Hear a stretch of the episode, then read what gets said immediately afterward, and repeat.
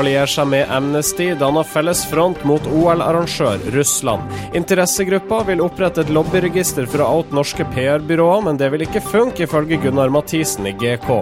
Og Sparebanken Midt-Norge er på sjekkeren. Rekrutterer nye kunder på Tinder.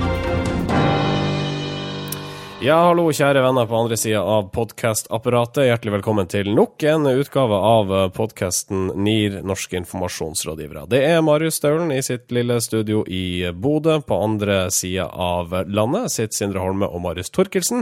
De sitter i Oslo. Hallo, gutter. Og vi begynner med Sindris. Hvordan står det til? Eh, står bra til. Ja. Det har jo uh, vært litt sånn uh, kulde her i Oslo, og, og mildvær etterpå. Og da begynner jo begynner det å bli litt sånn skummelt å gå under de her eh, takene til bygårdene. Så ja. Eh, jeg har latt meg fascinere av liksom det markedet som har dukka opp da, for uh, varselskilt for mot ras fra tak. Jeg syns det er interessant, fordi det er jo flere som har kommet med sånne vimpler. Da sitter de liksom og klipper i sånne plastflagg, og så henger man det opp, og så så er det liksom en advarsel da, for de som går forbi. Hva, hvordan fungerer det der egentlig? Altså, Hva hjelper den vimpelen?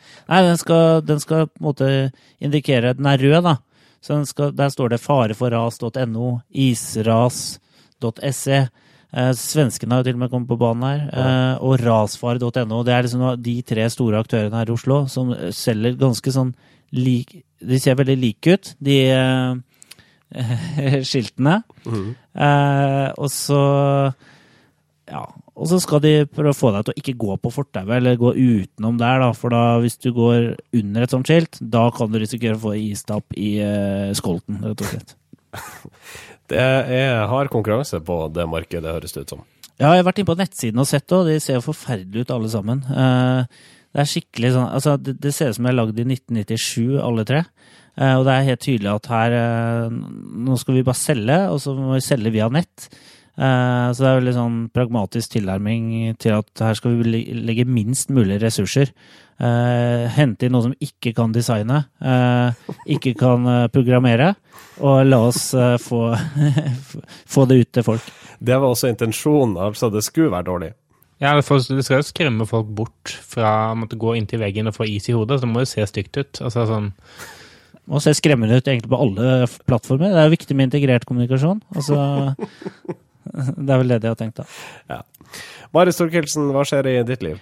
Uh, jeg har egentlig um, ikke så mye å komme til bordet med fra mitt liv fra denne uka, men jeg har et, eh, et stikk, hvis det er greit. Okay. Sånn innledningsvis. Et lite, et lite, stikk i siden mm. til en uh, norsk merkevaregigant.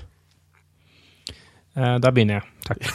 ja, du skal bare Beklager, mente du at jeg skulle si noe? Altså, skal ja, jeg, tenk, jeg, tenkte, gang her? ja, jeg tenkte sånn Du kan si ja. Ok. Uh, da, mine damer og herrer, er det klart for uh, Marius Thorkildsen sitt stikk i siden til en norsk merkevaregigant. Mitt stikk det går til, til Sunniva Juice, og ikke minst da Sunniva Presset, som har en reklamefilm som går an på TV disse i disse dager, hvor eh, eks-Hotell Cæsar-skuespiller Espen Sandvik eh, spankulerer i en portugisisk eh, Kall det appelsinfarm? Eh, appelsinplantasje. Ja, den har jeg sett. Han går, går og smiler. Eh, og så er det på et eller annet punkt i denne filmen hvor han eh, går forbi et lite barn som står her og plukker opp appelsiner, og løfter opp dette barnet for å hjelpe henne å måtte få tak i appelsinen som henger høyt oppe. Og så er egentlig dette Tines måte å innrømme barnearbeid på. At de har små barn arbeidende på, på appelsinplantasjene i Portugal. Oi. Eh, det, det tenker jeg at det er rart at ingen har reagert på dette. her. Noen bør reagere på det. Noen bør reagere. Ja, det er, uh, altså jeg vil ikke si ikke gjør dette, men barnearbeid er litt uheldig. Da. Jeg tror liksom barnearbeid gir litt status òg. Det er sånn, dette er en familiedrevet bedrift der alle må ta, ta i tak, også barna, ja. fra de er to år gamle. Eneste problemet er at de har 3000 barn, disse to som Vi, driver Kommunikasjonsrådgiverens spinn på barnearbeid, det er jo familiedrevet. Mm, ja. dette er en familiebedrift. Alle, alle mann til pumpene. Alle barn til pumpene, mor og far skal du passe på. Livets skole, det er det som uh, må til. ja. Fartsum i uh, uh, appelsinplukking der. Men de liker å plukke appelsinene. ja. Som de sier i Spania. de elsker det. ja. Ok, det var ditt stikk i siden til uh, Tine, da. Ja. Ja. Og uh, vi lar det bli siste ord før vi ønsker hjertelig velkommen uh, til Er det, er det sånn de sier det? Hjertelig? Uh, ja, det tror jeg faktisk. Hjertelig. Ja. Hvis du med de mener de fra Drammen, så er det Ja, det var de fra Drammen jeg mente. Jeg tror jeg nøyer meg med tradisjonell uh, uh, Bodø-dialekt med litt bokmål i seg. Hjertelig velkommen til NIR episode 58. Norske informasjonsrådgivere. Og Vi starta denne sendinga der vi uh, ofte gjør, faktisk, i Akersgata. Der holder blant andre Dagbladet til. Og der borte så har de innleda et samarbeid med Amnesty International nå. Uh, de to partnerne skal sette søkelyset på bruddene på menneskerettigheter som foregår i Russland. Et uh, slags apropos til OL som starta nå til helga. Og kampanjen har fått navnet To Russia with Love.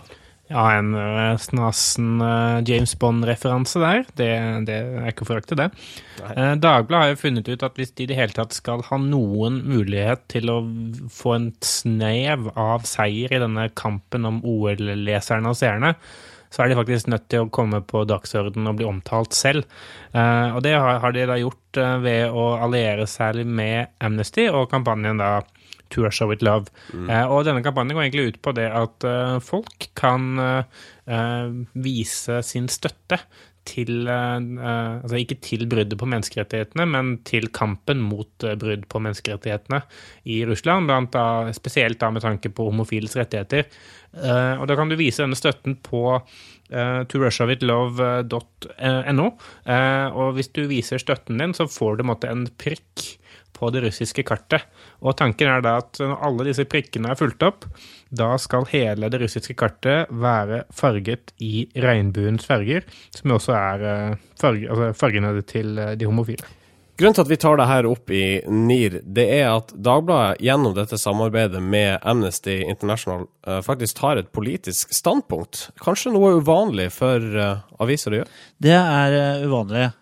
de sier jo selv at de ønsker å markere sin motstand mot, mot de homolovene i Russland. Og, og de mener at det må være selvsagt at Dagbladet skal rapportere om de menneskerettslige utfordringene som eh, Russland har, og det er jo enig. Eh, kampanjejournalistikk kjenner vi jo. Dagbladet sier jo selv at vi har gjort dette her før, eh, lignende. Vi har hatt en Stopp volden-kampanje.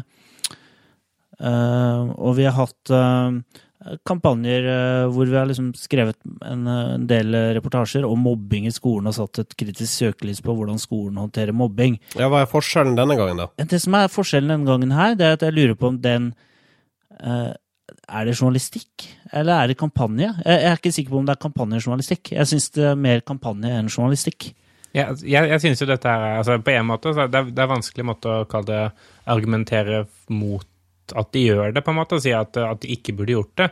Men, men jeg syns det er noe veldig sånn populistisk over det at de velger akkurat denne saken. Da, for det har vært en sak som har vært veldig mye omtale om i forkant. Det er en del kjendiser, utøvere osv. som har vært ute og måtte fordømt Russland for at de eh, har disse lovene de har.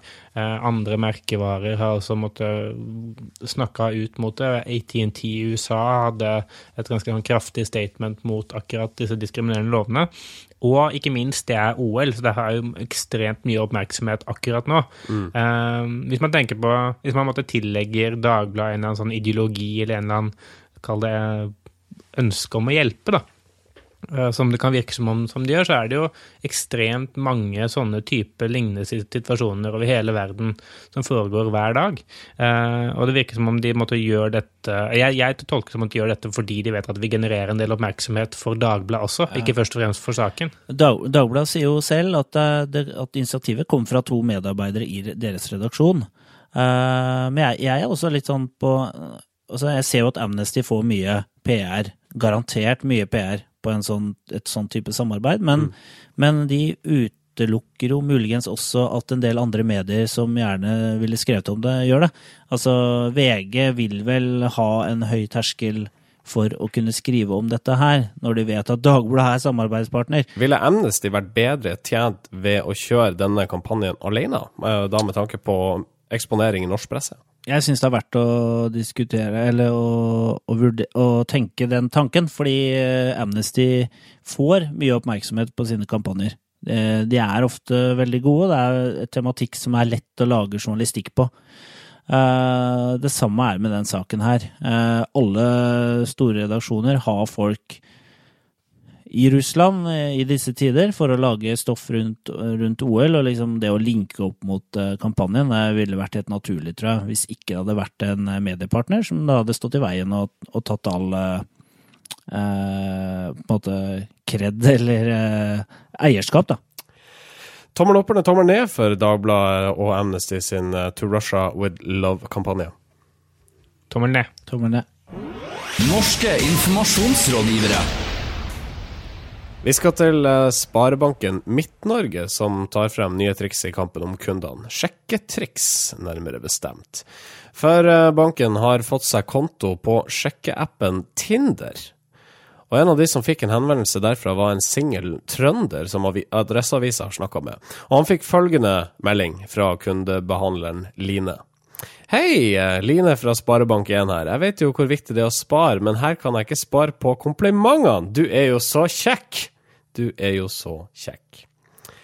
Ifølge Hans Tronstad i Sparebanken Midt-Norge så er dette her et forsøk på å møte kundene der de er.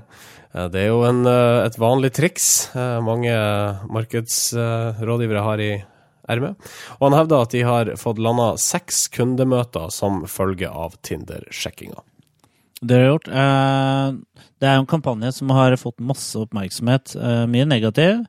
Men så har, eh, har man liksom mange sett på den og tenkt hm, det er jo et eller annet interessant der. Men Forbrukerombudet er i hvert fall veldig kritisk, for de sier at dette kan være snakk om skjult reklame. Uh, sier de. Uh, jeg syns ikke den virker så veldig skjult, da, for det profilbildet er jo en Sparebank1-bilde. Uh, og Line eh, sier jo at hun er fra Sparebank1. Ja, han er veldig åpen om det. Eh, jeg var på foredrag med Christian Brostad, som er en eh, et fyrverkeri av en foredragsholder.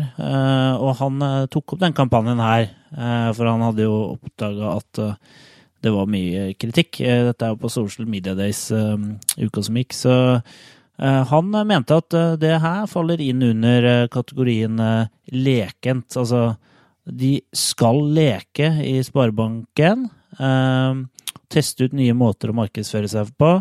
Så han, eh, han visste jo ikke egentlig om, om, om, det her kommer til å være en smart ting å gjøre. Men eh, han syns at eh, det viste at de turte å prøve noe nytt. Ja. Eh, er dette her lekent? Eh, det er jo i hvert fall et forsøk på å møte, kall det kidsa, der de er. ja. Det er det. I gamle dager var uh, ungdommen på pølsekiosken, nå er de på Tinder, og det har Sparebank1 catcha, i hvert fall i Midt-Norge. Uh, og det som jeg, altså, jeg mener dette er et interessant case, fordi uh, det er en kanal som det er lite konkurranse på, og som det er måte, mulighet til å få oppmerksomhet på. Det Ganske, sannsynligvis ganske høyt impact ved å bruke den kanalen fordi det er uvanlig. Eh, og fordi man måtte er førstemann til å gjøre det, så får man også en del oppmerksomhet rundt det. Eh, så bare det å være først har kanskje en verdi i seg selv, fordi folk snakker litt om Sparebank1. Eh, og så er det jo tråd med sånn som Sparebank1 framstår på andre flater, kanskje da spesielt med den hypersosiale Christian Brustad, som, som virkelig er Sparebank1 i sosiale medier i mange tilfeller. Mm. Men, men, måtte, men også måtte måten de kommuniserer på i film, eh, med disse ungdommene som sier at eh, man har gjort om appen til en bank, eh, og måten de eh, framstår f.eks. på sine egne Facebook-sider, eh, så er det jo veldig i tråd med det. Liksom litt personlig, litt lekent, litt åpent osv. Så, videre. så, så det er ikke noe sånn stilbrudd heller. Og hvis det har ført til seks nye kunder, eller kundesamtaler, så er det vanskelig å argumentere mot. Da. Det er veldig lite bankaktig måte å kommunisere på, men eh, sånn har jo Sparebank1, eh, som eh, er inne på, holdt på en god stund. De la ut en video på Vine, denne sekssekunders videotjenesten, med en sånn veldig dårlig video, hvor det egentlig budskapet var at vi trenger en en uh, videoekspert. Uh, vi har lyst til å ansette en som kan video, for det kan ikke vi. Mm. Uh, og fikk jo flere hundre søkere på den stillingen. Så de, de, gjør mye spennende, og de har tydeligvis da forankring ganske høyt opp i, i ledelsen da, til å holde på på den måten. For når informasjonsdirektøren forsvarer kampanjen uh, på den måten som han har gjort her, så syns jeg det viser at det er en bevissthet rundt det. Selv om det er i grenseland, når Forbrukerombudet også kommer på banen. Men, men eh, altså det eneste de kan kanskje bli tatt på, er, er, jo dette med at noen utgir seg for å være noen de ikke er. Som er liksom samme, samme tingen som Try og, og, Norsk Tipping ble tatt på med denne Lotto-Fredrik for eh, et par, par år siden. Altså Line eksisterer ikke, sier du at Line egentlig er Christian Brostad? Nei, altså Line og Lab er jo måtte, maskottene til, til Sparebank1. Lab og Line-Line. Ja. Vil du sjekke opp på en isbjørn? Ja det, ja, det blir det. Line, selv om hun er isbjørn, så er hun varm om hjertet og søkende etter kontakt. Eh, okay. Og, det er jo kanskje det Forbrukerrådet kan ta den på hvis de, hvis de vil. Eh, ja. For det er jo altså, villedende, om ikke annet. Spesielt hvis noen har blitt forelska i Line. Det hadde jo vært eh, problematisk. ja, det hadde vært problematisk også. Det er som bare Line kontakter én person på, på Tinder, hvor det er to, to sekunder. Så dickpics. Eh, jeg, jeg, er litt sånn uh, frista til å uh, konkludere sånn som Christian Brostad selv gjør. Ja. Det er ingen som dør av dette her! Nei, men det, vet du hva, det er sant med veldig mye markedsføring, men det har ikke forhindra oss i å flame det. Jeg skjønner det at uh, her er dere sånn ja, litt rann, på glid. Ja. Jeg er positiv, jeg. Ok. Vi fikk eh, for øvrig inn dette her tipset om saken fra Astrid Trondal. Takk til deg. Og hun la med uh, et annet eksempel på uh, markedsføring på sjekkearenaen Tinder. Og det var da Olav på 43 som har tatt en uh, fin selfie av seg sjøl. Litt bleik der, kanskje. Men han, han representerer altså advokatfirmaet Sylte som er spesialist på saker gjeldende familie- og eiendomsrett. Og det er bare å ta kontakt med dem. Ja. ja. Det var vel eh, skilsmisser også de var eksperter på, sånn sett. Det var en relevant arena å være på. Ja, så, ja kudos til dem der. Ja, tommel opp eller tommel ned nå for uh, Sparebankens uh, sjekketriks? Tommel opp. Tommel opp. Norske informasjonsrådgivere. Vi skal snakke om lobbyisme. Presseforbundet, Kommunikasjonsforeninga, organisasjonen Transparency og Redaktørforeninga tar i et innlegg i Dagens Næringsliv datert 27.1 til orde for et lobbyregister. Dette for å avdekke hvem som traska i gangene borte i Stortinget. Eh, men dette kommer ikke til å fungere, mener lobbyist og GK-rådgiver Gunnar Mathisen, i alle fall ikke om det er PR-byråene man vil eksponere for offentligheten. For PR-byråene er knapt å finne på Løvebakken, skriver Mathisen i et blogginnlegg på GK Forum. Ja, altså eh, Gunnar Mathisen han, han, er ganske på ballen når han, han sier det at uh, grunnen til at man ønsker dette lobbyregisteret, er fordi man fortsatt er ganske redde for uh, PR-byråene. Selv nå som det har gått noen måneder, nesten et halvt år, siden uh, PR-rådgivere myrder små barn i sepiafarger, dokumentaren til uh, NRK Brennpunkt, eller hva den nå het. Um, så er folk fortsatt nervøse. Og. Og Kommunikasjonsforeningens det strategi er jo åpenhet. og de mener da at for at man skal få åpenhet, er man nødt til å registrere alle PR-rådgiverne som lusker i gangene på Stortinget. Det Gunnar Mathisen sier, er at det er veldig få PR-byråer som faktisk i det hele tatt oppsøker eh, politikere på tinget. Det er det egentlig kundene deres som gjør. Og eh, i en moderne kommunikasjonshverdag så er det vanskelig å si når man egentlig rådgir om kall det lobbyisme, og når man rådgir generelt om kommunikasjon. Så det måtte da registrere altså de som står bak, eh, som påvirkere bak, kall det kundene, det kan være et uh, grenseland som er vanskelig å gå opp riktig. Mm. Hvem er det som trasker i gangene på Stortinget, da? Det er gjerne uh, de som har en sak som de skal fremme selv. men PR-byråene gjør det i stand til, i mindre eller større grad, til å påvirke, eller til å gjøre det i stand til å egentlig vite hvordan man skal gå frem. Da. Mm. og det, den, det arbeidet der, det får man jo ikke Eh, noe innsyn i Nei. Eh, ved å lage et lobbyregister. Nei, for vi har diskutert det her før, at at uh, Germund Kise f.eks., som uh, jobba og lobba for tunnel, det var ikke de som uh, bedrev lobbinga, det var det de lokale politikerne som gjorde. Ja, og det er en ganske sånn vanlig modell å, å drive lobbying etter. Uh, og gjøre kundene i stand til å å føre sin sak på en mer effektiv måte enn man uh, kunne før, pga. at man har kompetansen som da sitter i PR-byrå. Mm. Eh, hva gjelder PR-byråenes renommé ute i samfunnet, så er vel den, uh, eller ryktet er vel noe frynsatt uh, fortsatt, og antagelig så er det lite man får gjort med det, i hvert fall på kort sikt. Uh, det som er interessant, uh, som Mathisen forteller om i dette innlegget her, er det at de som lobber mest oppe på tinget, det er interesseorganisasjonene. Det er LO, NHO, Bondelaget, Rederiforbundet og miljøbevegelsen. vil det være en eye-opener for publikum hvis et slikt lobbyregister ser dagens lys?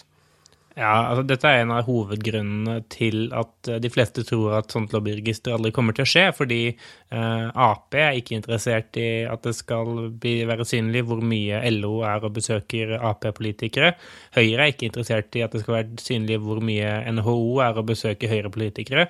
Og Senterpartiet er ikke interessert i at det skal være synlig hvor mye Bondelaget er og besøker eh, Senterpartipolitikere. Eh, for det er de som eh, desidert eh, renner ned disse dørene og gangene mest. Og eh, hvis man Altså, man vet jo at det er eh, At de i hvert fall bor i samme leilighet, men at de sover i samme seng hver dag. både partiene og interesseorganisasjonene. Det er kanskje ikke alle som er interessert i at det skal bli så tydelig. Uh, men det, det, er jo interessant, for det sier jo også noe om modningen som PR-byråene har hatt. da. For Mathisen sier at dette er 90-tallet Altså det her med at rådgiverne troppa på Stortinget, det er liksom sånn 90-tallsgreie. Mm. Det er sånn man gjorde før i tiden. Da gikk politikerne fra fra partiet til byrået, tok med seg telefonboka si, slo opp på S for Stoltenberg. Uh, og, og, ring, og, ringte Skal ikke vi ta oss en prat, da? Sette oss i stortingskafeen. Kom igjen, da. Kom igjen, da. Ja, men du vet at det er uh, bra for deg, ikke sant? Så det var liksom Det er Det, det fremstår, da. Jeg syns det, det, er litt sånn tidsdokument, på en måte, det han uh, legger frem. Det er sånn Jeg tenker det fremstår som om på 90-tallet var man litt mer cowboy i lobbyarbeidet. Nå er det mer profesjonalisert. Nå jobber man mer strategisk, og i tillegg så sier Mathisen at man jobber langs flere akser. Altså Man jobber strategisk med kommunikasjon, og da er lobbying en del av det. Mm. Men det er så integrert, da, sånn at hva som er hva eh, Eller liksom det er vanskelig å skille de forskjellige delene, fordi man jobber så helhetlig. Mm. Uh, så egentlig så bør norske PR-byråer forfekte et lobbyregister? Ja, det kan man jo si. Og eh, hvis, eh, hvis alle PR-byråene nå bare hadde blitt enige om å ligge helt stille i båten og bare la Kommunikasjonsforeningen holde på og få opp et sånt uh, lobbyregister, så hadde kanskje det vært det beste for alle. For da hadde man skapt en sånn falsk trygghet av at nå har vi iallfall kontroll på alt, og, og PR-byråene kunne operere fritt. Men så kanskje er ikke PR-byråene så interessert i å være noen som trekker i skjulte tråder likevel. Og uh, konklusjonen til Gunnar Mathisen er egentlig det at uh, altså, man kan gjerne opprette et eh, lobbyregister, men, men, det kommer til å ramme alle bortsett fra PR-byråene. Kanskje en endelig løsning er at alle virksomheter som jobber med en konsulentvirksomhet, må registrere det i et offentlig register. Eh, og så kan man søke opp alle som noen gang har brukt konsulenter, og så må man finne ut av hvem som har gjort hva. Mm. Så, så, kan vi lage sånn her stor sånn edderkoppnett. Kan VG og Dagbladet lage sånn Denne har snakka med den i 2003. 2004 snakka med den, mm. som er en motstander eh, av den, eh, som byttet jobb, og begynte da å snakke med den. Eh, altså, da kan man jo lage Ja, da er vi inne på sånn NSA-problematikk, Snowden, ikke sant. Altså, hvor mye informasjon skal vi egentlig Uh, skal vi egentlig legge ut, da? Mm. Altså, ja. Det kommer til å bli et intrikat uh, spindelvev, dette i blandingsdemokratiet Norge. La meg spørre dere gutta, tommel opp eller tommel ned for et uh, lobbyregister? Tommel opp for det. Jeg tommel ned. Tommel ned, sier du, Marius. Hvorfor? Jeg mener at det er bare altså, Hvis man skal måtte få dette her til dette forslaget til å bli en lov, så er det bare bortkasta penger, altså både offentlige ressurser og offentlige penger, mm. på å måtte prøve å få til noe som man ikke kommer til å klare. Så det er av hensyn til norsk økonomi at du retter tommelen ned her? Jeg vil mye heller ha altså, en uh, hoppbakke til, for eksempel. ok, greit. Da går vi videre. Det er du som utrydda den begalske tigeren, altså. Brukte du alle kommunens penger på PR-byrå? Flyttet du makt i favør av andre enn dine oppdragsgivere? Sendte du hatmail til innvandrere mens du satt i regjering? i regjering? Dette skal ikke skje i forhold til det, så legger jeg meg flat. Det var ikke meningen at du skulle finne ut det. Jeg legger meg flat. Nå ble det veldig mye negativ presse. Jeg legger meg flat. Jeg tar dette til etterretning og legger meg paddeflat. Jeg legger meg flat. Flatindeksen. Ja. det betyr at det nok en gang er på tide med den semipopulære spalta Flatindeksen her i podkasten NIR. Spalten som tar for seg flatlegginga i uh, månedene som går. Flatlegginga utført både av virksomheter og personer. Marius Torkelsen er programleder. Det stemmer. Velkommen til eh, Flatindeksen. Eh, ingen er jo så flate som norske virksomheter når de legger seg flate. Og derfor har vi i eh, Norske informasjonsrådgivere, din favorittpodkast, eh, prøvd å sette fokus på hvor mange som egentlig bruker dette grepet for å komme seg unna med ting. Eh, og det, veldig kort oppsummert, så er et typisk handlingsforløp sånn at du gjør noe galt. En journalist ringer og sier 'Hei, du, hvorfor gjorde du dette gale?' Og så sier du nei, legg meg flat, og så blåser det over. Og så slipper du egentlig å måtte eh, gjøre opp for det, og du slipper å ta ansvar for det du har gjort. Mm. Vi mener at uh, folk bør ta ansvar, og vi går, der, og vi går derfor gjennom uh, alle nyhetskilder vi har tilgjengelig, og teller opp hvor mange insekt, småbarn, idrettsutøvere, virksomheter, eh, transpersoner og bodøværinger som har lagt seg flat i, i måneden som har gått. Eh, og så presenterer vi en topp tre-liste. Riktig. Og vi tar for oss januar måned nå, alternativt vi er i februar. Hvor mange, Torkelsen, la seg flat i januar? Det var hele 46 uh, som la seg flat. Det, det er høyt opp på lista vår. Det er høyt, høyt opp på lista. Ja. Uh, det, etter en litt sånn rolig desember uh, på det jevne, så er vi altså tilbake igjen uh, Starta året med et brak av flatlegginger. Mm. Vi går på tredjeplassen. Hvem ligger der? Eh, tredjeplassen den går til Fosen Designs. Eh, Fosen Designs er et nyoppstarta eh, firma i Bjugn kommune. Og rett før jul så fikk de en del oppmerksomhet, fordi rett utenfor Fosen Designs så var det noen som hadde satt opp et skilt hvor det sto 'Velkommen til Astanistan', hvor det egentlig skulle stå 'Velkommen til Bjugn kommune'.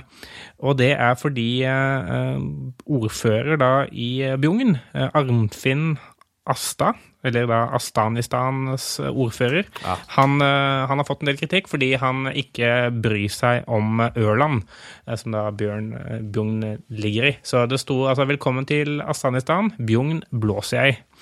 Eh, og så måtte, klarte da noen å grave frem at dette var Fosen Design som hadde lagd denne folien som var klistra opp på det veiskiltet. Eh, og når Fosen Design ble konfrontert med dette, så sa de at eh, de hadde egentlig bare lagd det på bestilling fra noen andre, men de angrer veldig på at de har gjort det, i og med at det har blitt så mye bråk. Eh, så de legger seg altså flate der. Vet du hva, den der var veldig lett gjennomskuelig, den flatlegginga. Jeg føler at hvis du lager det skiltet, for så å få kritikk for det, så må du ta ansvar, ikke bare legge deg flat. Ja. ja. De la seg flat på vegne av de som hadde bestilt det, da. ja. Som ikke kommer frem i saken hvem var. Nei, for det, det er det bare Fosen Design som vet. Det er bare Fosen Design. Ja. Men å legge seg flat på vegne av noen andre altså, Nei, det var ikke det de gjorde, da. De la seg flat for hun har laga det skiltet i utgangspunktet. Ja, ja. Men det var ikke det deres idé, da. De bare sto for gjennomføringen. Ja, ja, ja. De sto bare for den viktigste delen av jo, den. Men det sa jo det her offiserene i Auschwitz òg. Vi bare gjorde som vi ble fortalt om. Ble, ble bedt om. Det er 70 år siden, det er lov. Um, ok, greit. På en andreplass? Andreplassen går til Fylkesmannen i Skien. Eh, fordi eh, Skien eh, fylkeshus, eh, hvor Fylkesmannen holder til, eh, de har jo annet en, en rullestolrampe, sånn at folk eh, i rullestol kan komme seg inn i fylkeshuset. Kjempebra. Eh, og denne rullestolrampa den har også en sånn automatisk døråpner, som er en sånn knapp du kan trykke på, sånn at dørene åpner seg, og du kan rulle rett inn. Så bra. Fylkesmannen i Ski, de, de liker røyke. Eh, eller mange hos fylkesmannen i Ski liker å røyke. Derfor plasserte de et gedigent askebeger, sånn to meter høyt, rett foran knappen som man skal trykke på for å åpne disse dørene. Dette har jo en del uh, rullestolbrukere i Skien re reagert på, i og med at man ikke får åpne døren lenger. Sikkert For det står et askebeger i veien. Ja, spesielt i de ikke-rekene. Og uh, fylkesmannen selv legger seg ikke flat, men administrasjonssjef hos fylkesmannen, uh, Birte Aas, hun forstår reaksjonen fra rullestolbrukerne og legger seg flat og lover å flytte askebegeret asap. Ja. Eh, Bare så vi har det klart for oss, altså det er ikke institusjonen fylkesmann som legger seg flat her, men Det her er administrasjonssjefen hos fylkesmannen. Det er pussig, det der. Fylkesmann, jeg trodde det var én person, men det er ikke. nei, Det er en institusjon. det er en institusjon, på samme måten som kongen, med stor og liten bokstav. Altså kongen i statsråd med stor bokstav, for det er institusjon, det er ikke Harald sjøl som sitter og treffer avgjørelser der. Kongen med liten bokstav er kongen, altså Harald, som var i, i Spikersuppa og så på en konsert med et indieband som fort ble glemt. Så eh, OK. Var det High As A Kite? Nei, nei jeg spår High as a Kite en eh, lysende karriere. Eh, digresjon der, og vi går rett til førsteplassen. Månedens, januar måneds flateste. Hvem er det? Førsteplassen eh, den går til eh, noen som er eh, vant til å få andre til å legge seg flate, men som denne gangen ble nødt til å legge seg paddeflate sjøl. Førsteplassen går til Dagens Næringsliv. Hvorfor? Og ja, takk for at du spør. Eh, Dagens Næringsliv får førsteplassen fordi eh, de hadde en sak eh, hvor TV Norge blei omtalt fordi TV 2 kuppet to programsjefer fra TV Norge. Og i den forbindelse så blei TV Norge og SBS Discovery-sjef Harald Strømme intervjuet. Og han ble sitert på at da Jarle og Nina sluttet, hadde vi det strålende. Eh, Det sto altså i papirutgaven i Dagens Næringsliv. eh, Og Strømme sperret jo opp øynene når han så dette, for det han hadde sagt, var det at da Jarle og Nina sluttet, hadde vi strålende medarbeidere til å overta deres stillinger. Eh, Dette påpekte han, for han hadde både skrevet det på mail til Dagens Næringsliv og også uttalt per stemme.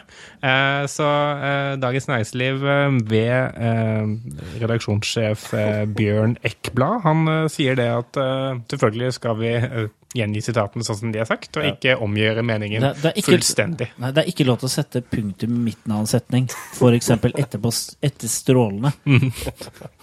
og så utelate resten av sitatet. Det, det er ikke lov. Nei. Det er ikke lov. Dagens Næringsliv er altså januar måneds flateste. Dette her er ikke en hederspris. Marius, du sa at prisen for uh, Ja, det er, det er jo en pris, ja, men, eh, men eh, det er en pris de må Det er en dyr, dyr pris å betale. Ja. det er touché. Um, så det skjedde, uh, og vi beveger oss videre. Takk skal du ha, Marius, for en solid orientering rundt uh, flathet i januar måned. Bare hyggelig. Ikke gjør dette.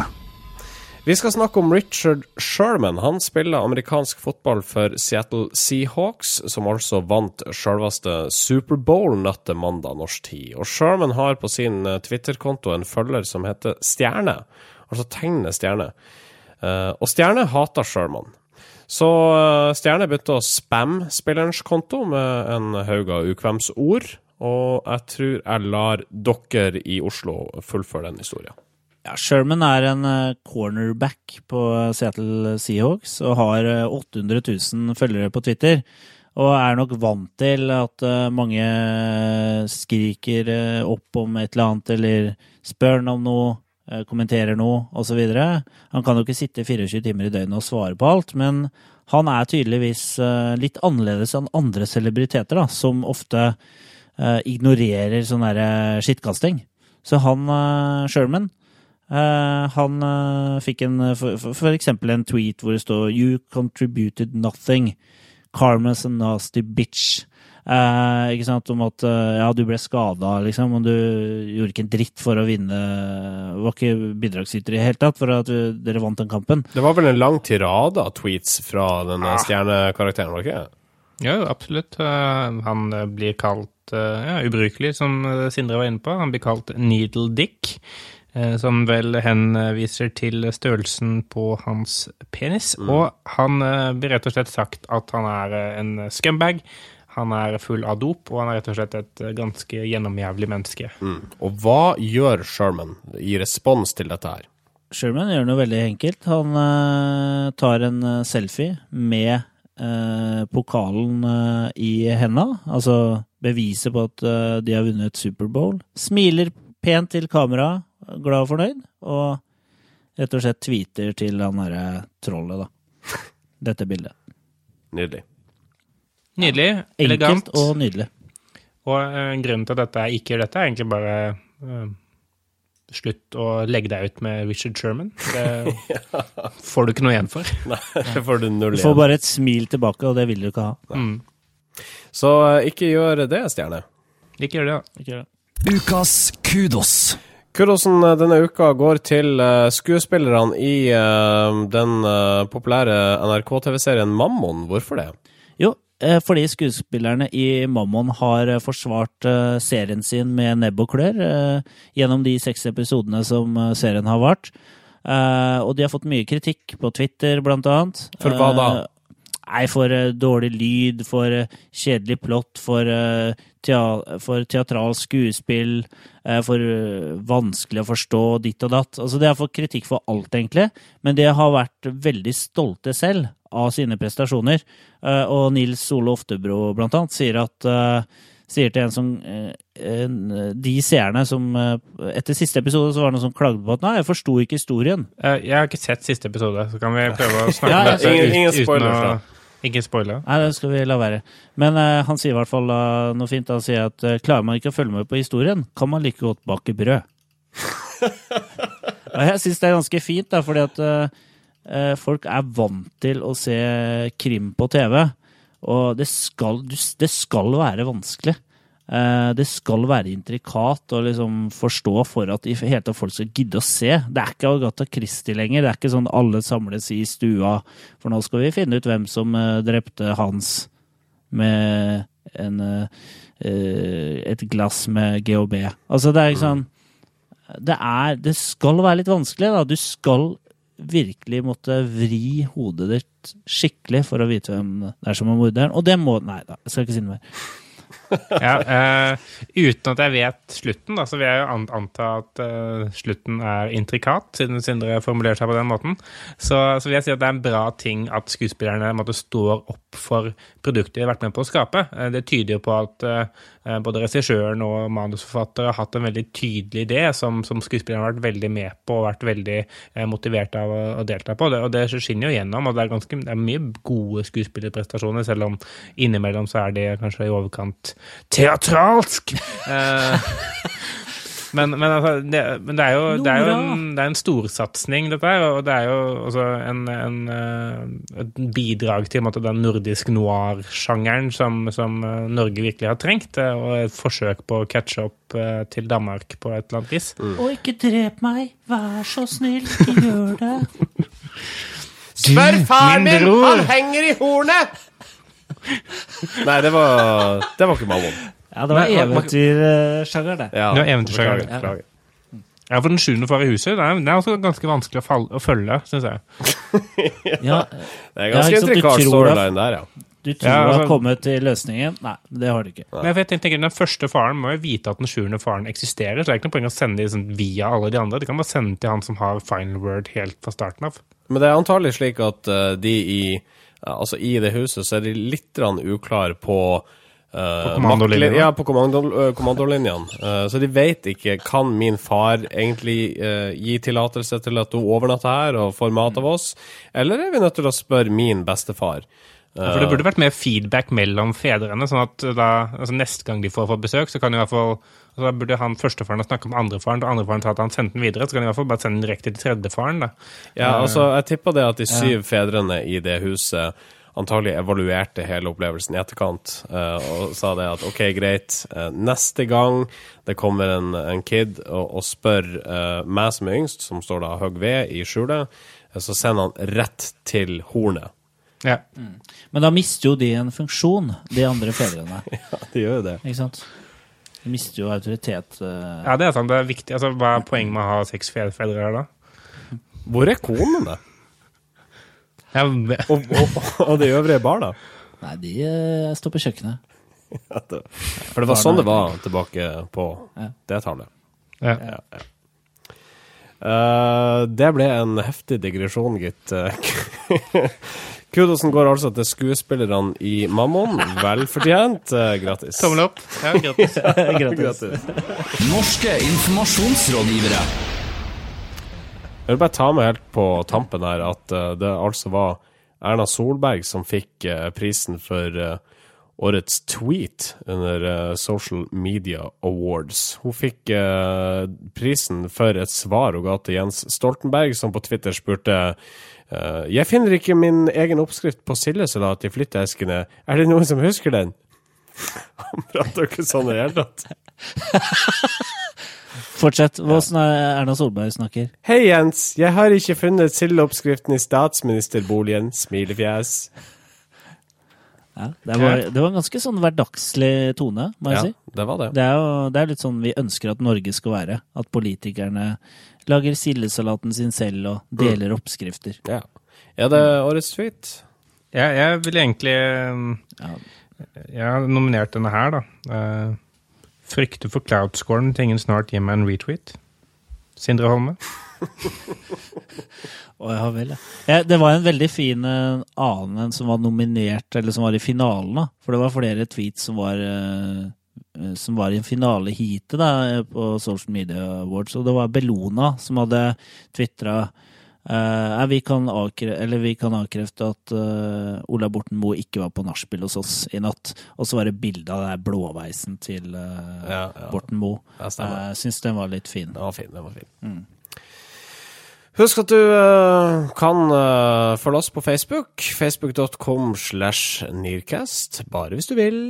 Du kan sende oss en e-post på nearcast.yahoo.com. Ja. Du kan uh, høre på oss i iTunes når du vil, hvor du vil. Uh, eller du kan høre på oss på soundcloud.com slash nearcast, som uh, dere gjør sånn i varierende grad. Så um, fortsett gjerne med det. Mm. Og dere kan jo også høre oss og lese om oss via kreativforum.no, som legger ut episoder hver fredag og skriver om oss, selv om de nå har sin egen podkast i tillegg. Ja. Den heter Kreativt Forum Podcast, heter den det? Jo. Uh, Der kan du høre siste episode bl.a. mye om gullblyanten fra jurygeneraler og jurymedlemmer og deltakere osv. Ja. Norsk reklamebransje i heftig passiar om prisutdeling. Sjekk det ut. Vi uh, runder av uh, for denne gang, og så er vi tilbake om ei uke. Altså neste fredag til uh, samme tid. Mitt navn er Staulen Marius. Mitt navn er Torkelsen Marius. Eh, mitt navn er Holme Sindre. Og vi ønsker deg eh, en fortreffelig dag. Norske informasjonsrådgivere.